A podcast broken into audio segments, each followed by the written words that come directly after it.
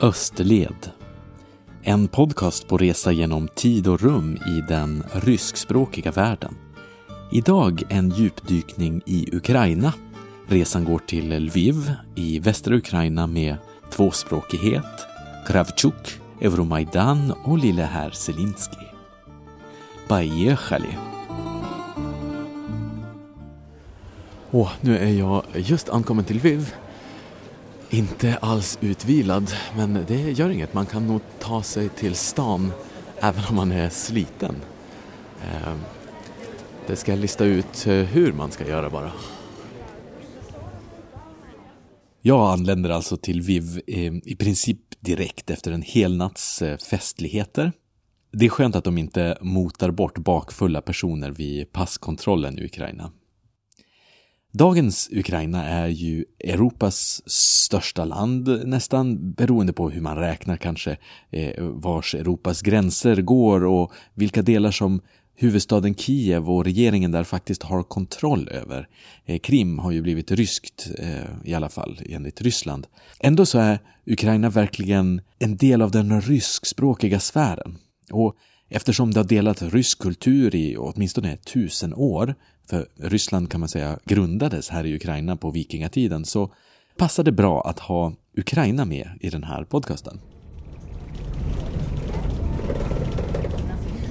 Ganska lätt så tar man sig in till stan. Här är allting så väldigt välordnat. Det känns som att vara lite grann som, det känns som att man är till hälften i Polen eh, på många sätt.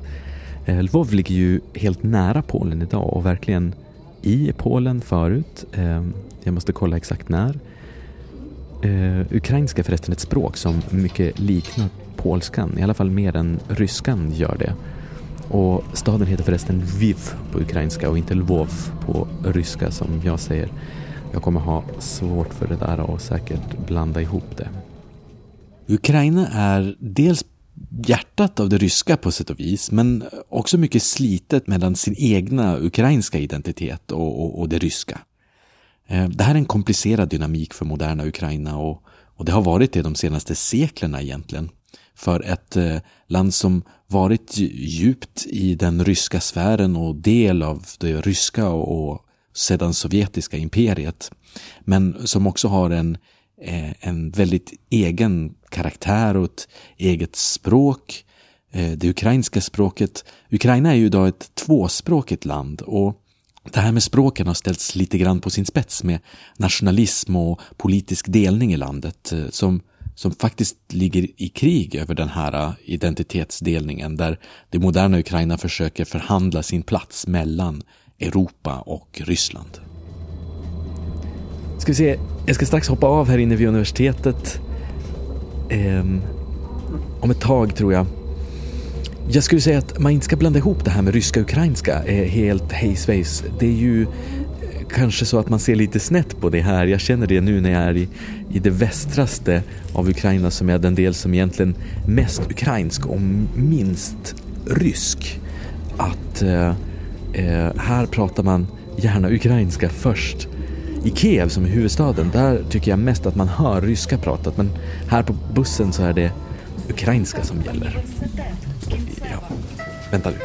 Nu ska vi se. Jag har ju inte... I två andra ukrainska provinser är det fortfarande något slags lågintensivt krig, ska man säga. I Donbass kallas den regionen, där Luhansk och Donetsk, som är de mest rysktalande områdena av Ukraina kan man säga, har utropat sin, sina egna eh, ryssvänliga självständiga republiker. Och det här är mycket en konflikt med själva Ryssland, för det är rysk militär som hjälper separatisterna att skjuta på ukrainska regeringstrupper i det här kriget. Och hur är det nu, kan man resa till ett land verkligen som är i krig?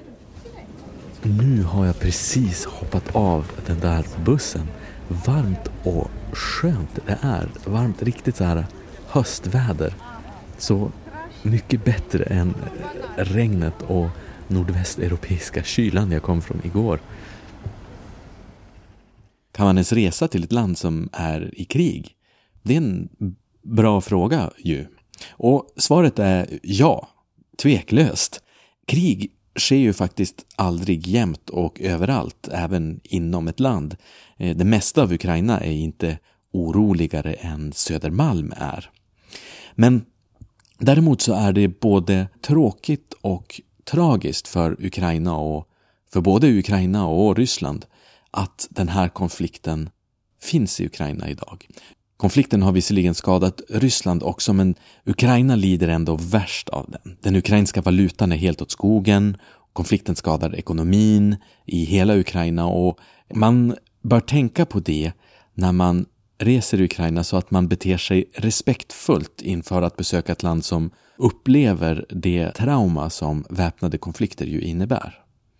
Jag tänkte på det när jag besökte Poltava för några år sedan, det Poltava där Sverige och Ryssland utkämpade ett historiskt slag i början på 1700-talet. Jag tror att jag var lite väl exalterad och glad över det museet och slagfälten och pratade livligt med personalen på museet om det, men så kom det fram att de brukade ha väldigt många besökare och nu beklagar de sig väldigt mycket över att det var, var krig i östra Ukraina och att turisterna inte kom längre. De museumsanställda bet ihop läpparna och det var helt enkelt ett mycket olustigt ämne och det drabbade dem både i turistnäringen och personligt kanske. När man besöker någon vill man inte gärna trampa världen på tårna. Jag har just suttit på ett café och stekt i höstsolen och läst Gogol. Och eh, utanför här nu går jag igenom en, en park där det är en massa utflyktsskolbarn och Eh, eh, lokala gubbar sitter och, och säljer eh, böcker här i parken. På marken ska man köpa sig eh, klassiker av både ryska och utländska författare. Här är Shakespeare och Bach har de, det är väl noter antar jag. Eh, lite så här bokloppmarknad. Och vädret är alltså en sån här perfekt höstdag. Strålande sol, gula löv på träden, kanske 20 grader varmt. Eh, någon som eh, steker kastanjer så det luktar kastanjer överallt. Det här området har varit centralt för den ryskspråkiga världen i i tusen år. På 1900-talet så var Ukraina en Sovjetrepublik och i Ukraina pratar man alltså både ryska och ukrainska om vartannat. Man pratar mer ukrainska i nordväst och mer ryska i sydöst. Man pratar nog mer ukrainska hemma och mer ryska på gatan. Ukraina var självständigt mycket kort under första världskriget men sen blev man Sovjetrepublik och efter Sovjetunionens fall så blev man självständig på riktigt tillsammans med de andra 14 Sovjetrepublikerna. Huvudstaden i Ukraina är Kiev men i Ukraina ligger också tidiga 1900-talets världsstad Odessa och Dnepropetrovsk, en tungvrickare där och det tyskinfluerade Lviv som ju är den här resans första destination. I Ukraina ligger Jalta på Krim eh, där man konfererade efter andra världskriget om att stycka upp Europa, men, men Jalta är ju som sagt ryskt numera sen, sen Ryssland tog över på Krim. Många av andra världskrigets värsta slag stod i Ukraina. Man kan jämföra med Normandie och landstigningen där det dog runt 120 000, men bara slaget om Kiev 1941 kostade mer än 700 000 människor livet. Ungefärligen från det som är Ukraina idag kom ungefär en miljon av de judar som mördades i förintelsen och 16 procent av Ukrainas befolkning överlevde inte andra världskriget. Och, och just norr om huvudstaden Kiev så ligger också Tjernobyl, kärnkraftverket.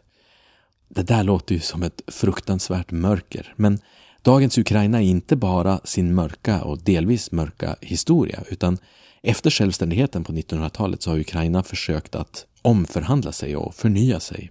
Och det moderna och jättemysiga Kiev som är en fantastisk plats är verkligen en trevlig stad att besöka. Och Dnepr är Europas vackraste flod och i Ukraina så ligger Poltava, superintressant slagfält där Sverige och Ukraina fick stryk av ryssarna.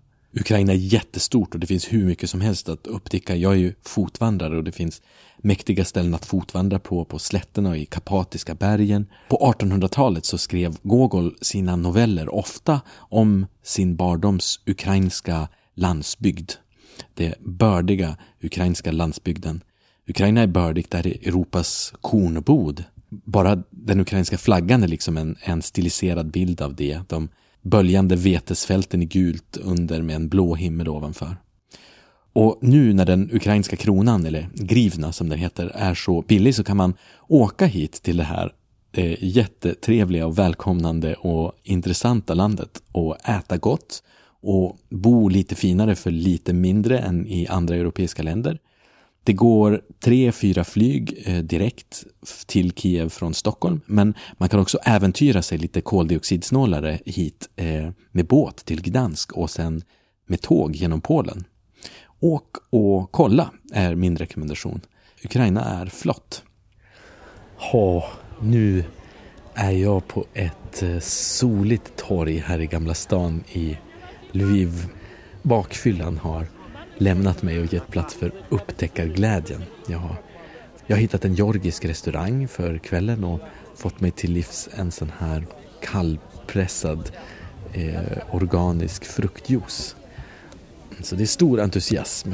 Här fanns förresten inga organiska hipsterfruktjuice-ställen första gången som jag var i Lvov.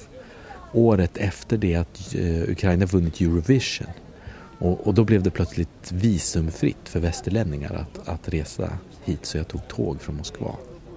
Gränsen eh, till Ukraina den gången så hade jag en upplevelse där jag blev väckt, uppsliten och i vägdragen till ett litet förhörsbås i vagnen där en barsk kvinna i uniform eh, ställde massa mm, komplicerade frågor till mig på ryska och, och skrek och, och, och, hade sig. Hon hade en jättestor kniv i bältet minns jag och jag hade bara kalsonger på mig. Ja, hon frågade var jag skulle bo och eh, varför jag kom till Ukraina och eh, sen skrek hon massa obegripligheter och jag pratade ännu sämre ryska då och helt plötsligt så gick det upp för mig att situationen var helt absurd. Mitt i natten står jag halvnaken i ett rum som är mindre än en kvadratmeter och blir skrikt på av en av en ukrainsk eh, gränsvakt och eh, då brast jag ut i skratt. Sin uniform till trots så kunde hon inte upprätthålla någon som helst eh, tjänstemannavärdighet efter det. Så eh, hon sa bara snabbt att det behövs inget visum för att åka till Ukraina. Bez visum, väste hon. Dobro välkommen. Den där Episoden i Skrubben i den ukrainska tågvagnen utspelade sig för mer än tio år sedan och det har hänt mycket sedan dess. För eh, sist som jag kom till Ukraina från Ryssland 2017 så åkte jag tåg från Voronezh till Charkiv i östra Ukraina och då hade ju redan konflikten mellan Ryssland och Ukraina börjat spela ut. Det märkte jag redan på den ryska sidan där ryska poliser trakasserade mig på sista perrongen inför påstigningen mot Ukraina. De ville kolla dokument och få mig att känna att jag kanske skulle missa tåget och frågade om vapensmuggling och knark och sånt bara för att. Vid ukrainska gränsen däremot så gav jag mitt pass för snabb stämpling åt leende eh, välkomstfraser på engelska numera. Welcome to Ukraine. Inga frågor, inga intervjuer, inga knivar, inga kalsongskrubbar. Ryssarna i vagnen däremot, de blev duktigt utfrågade och hade en massa papper med sig i, mappar som de visade upp med olika stämplar och gränsvakterna krånglade och hämtade papper och tog fram nya papper och de fyllde i saker och, och, och det var en allmänt nervös stämning. Ombytta roller för svenskar och ryssar vid den ukrainska gränsen numera alltså. Det är märkligt det där.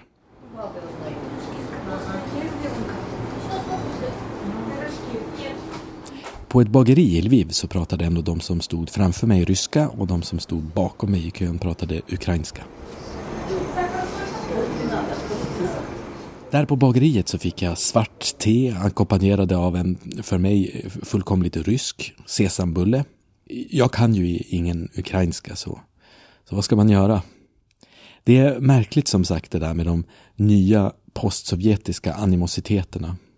Utifrån så kan det verka som att alla kommer som så väl överens och pratar sina språk och faller tillbaka på ryska som lingua franca när man, när man behöver det. De postsovjetiska länderna delar ju trots allt så väldigt mycket och har ett gemensamt språk att uttrycka sina delade erfarenheter på. De flesta delar också ett långt ryskt inflytande under århundraden före Sovjetunionen bildades och så är det ju verkligen i Ukraina. I Ukraina är dessutom rysk historia invävd redan från början. Både språkligt och kulturellt så hör man ihop här.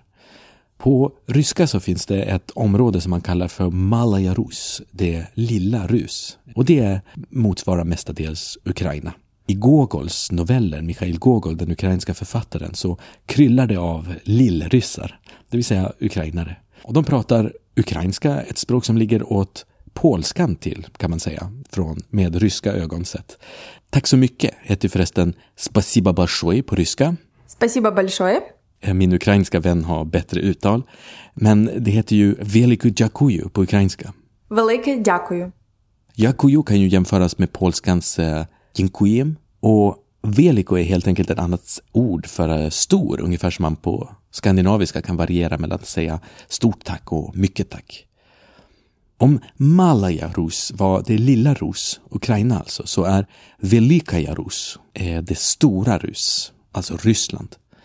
Det förekommer förresten i den sovjetiska nationalsångens första textrader för den som har spetsat öronen och hört där Splatila naveki velikaya Rus.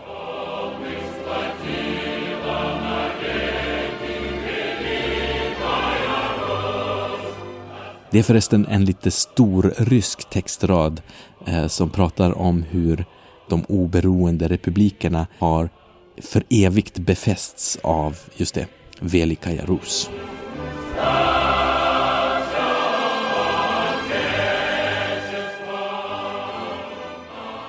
Dagens Ukraina försöker ju ändå att vända sig från det storryska.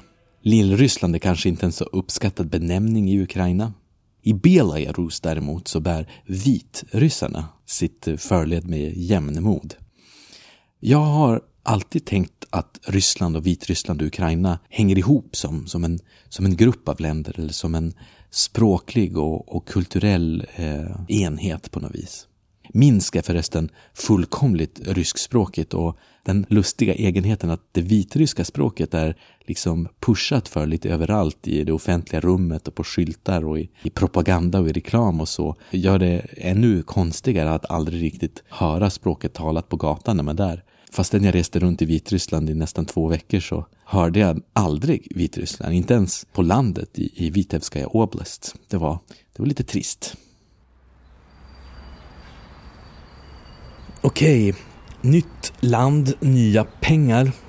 I eh, Ukraina så är det ukrainska kronor som gäller, eller grivna. Det är att jag kallar dem kronor, det är mer någon historisk eh, medvetenhet för att det kommer från den österrikiska kronan. Eh, olika sedlar i olika färger. Man tar ut dem i bankomater, har dem på fickan. Eh, fast det blir mer och mer, det blir mer och mer kort märker jag. Jag frågar på kartje можно i affärerna. Går det att betala med kort? Och oftare och oftare så blir det ja på den frågan. Till och med, till och med nyss i en underjordisk eh, babushka frisörsalong kan man kalla det. En trappa ner vid en gata så, så var det tanter som klippte unga män. och där eh, så sa hon helt enkelt morsna och eh, drog fram en sån här portabel USB-kortläsare för att ta betalt. Utmärkt klippning annars, eh, för skägget också. Eh, 65 grivna kostade det. Och så fick jag till med det det senaste skvallret från kvarteret om hur en nyinflyttad politiker gjort så att det blev rödljus lite oftare just i korsningen utanför. Jag undrar om det kan stämma verkligen. Hrivna är en ryssifiering av det tyska ordet krone för valutan i Ukraina alltså. Det här var ju delvis en del av det Habsburgska imperiet och man hade imperiets Habsburgska pengar här. Ukraina har en fascinerande historia. Här i, västra Ukraina så är det, var man en del av det österrike-ungerska. I söder så var man en del av det, det, turkiska och tartariska influenser och i nordöst så var det mer ryska som gällde. Lviv, eh, som heter Lvov på ryska och jag blandar ihop dem, säkert säger jag Lvov om vartannat, hette Lemberg på tyska. Tyska var ju det habsburgska österrike-ungerska imperiets språk och det imperiet gick ju under efter första världskriget. Och då blev huvudstaden här Moskva istället för Wien. Nu går jag på en eh, gågata här i Lviv och om man bara går runt så känns Lviv helt klart polskt eller eh, östeuropeiskt i alla fall. Så här generiskt östeuropeiskt. Torget på Gamla stan påminner om Krakow. Och på kyrkogården så är det bland alla polska namn också massa tyska namn så att man känner den österrike-ungerska tiden liksom även på plats. Men eh, det ska jag säga, förorterna som jag åkte igenom när jag kom in från flygplatsen var alltigenom sovjetiska och det ryska alfabetet som är överallt Eh, och att man kan ta sig fram på ryska också, det gör ju ändå att det finns en, en rysk feeling här ändå. Historiskt så var man ju länge en del av det sovjetiska imperiet här också.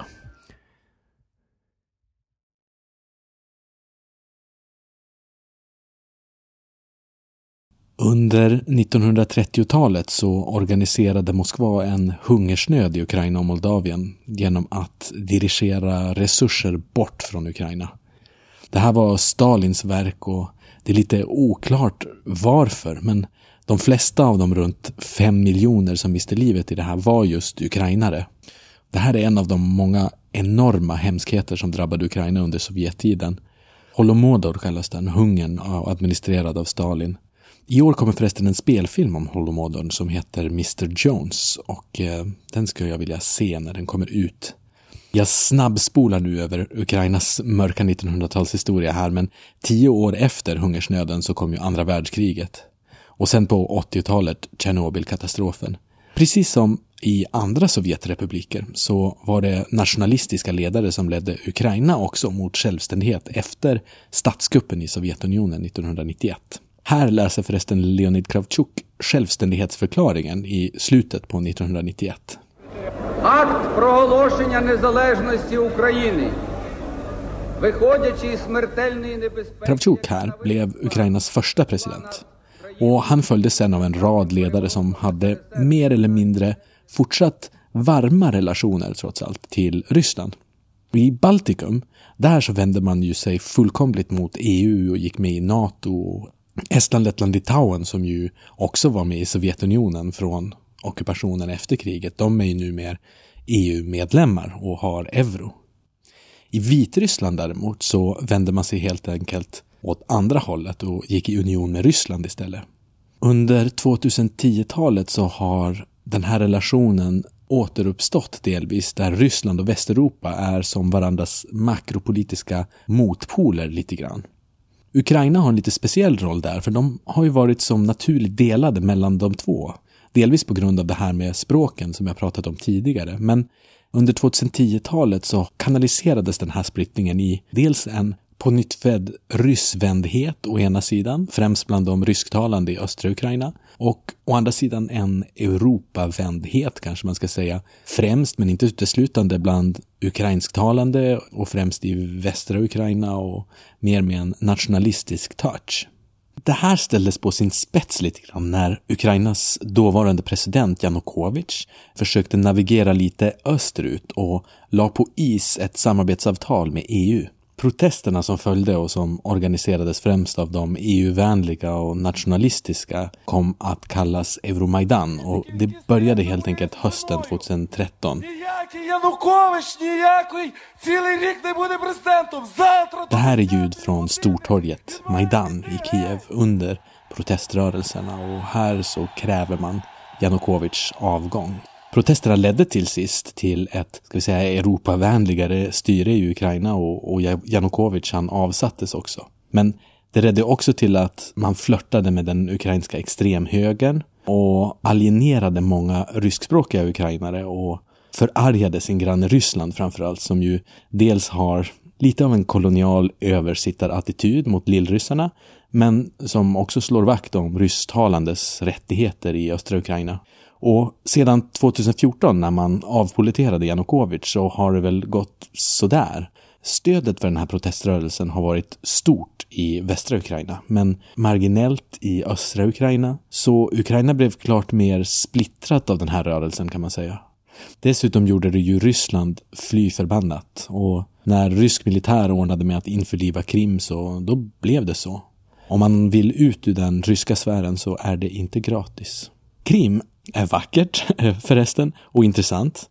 Jag har inte varit där sedan det blev ryskt, men eh, även på den ukrainska tiden när jag reste igenom där kort så pratade ju de flesta ryska där. Och nu i 2020 så håller relationerna på att lugna ner sig något mellan Ukraina och Ryssland.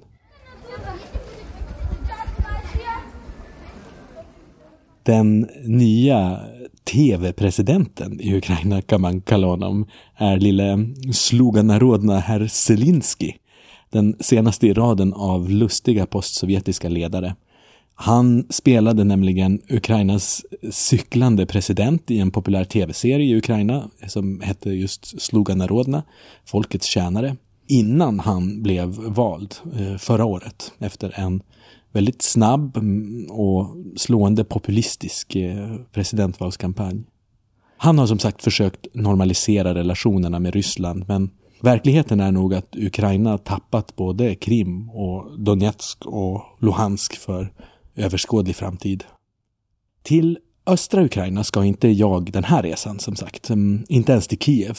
Men däremot ska jag resa runt här på landsbygden i västra Ukraina och återknyta lite till en annan intressant aspekt av ukrainsk historia som länkar samman just den här övergången som jag pratade om tidigare mellan den österrike-ungerska och den sovjetiska tiden i regionen kring Lviv eller Lvov eller Lemberg.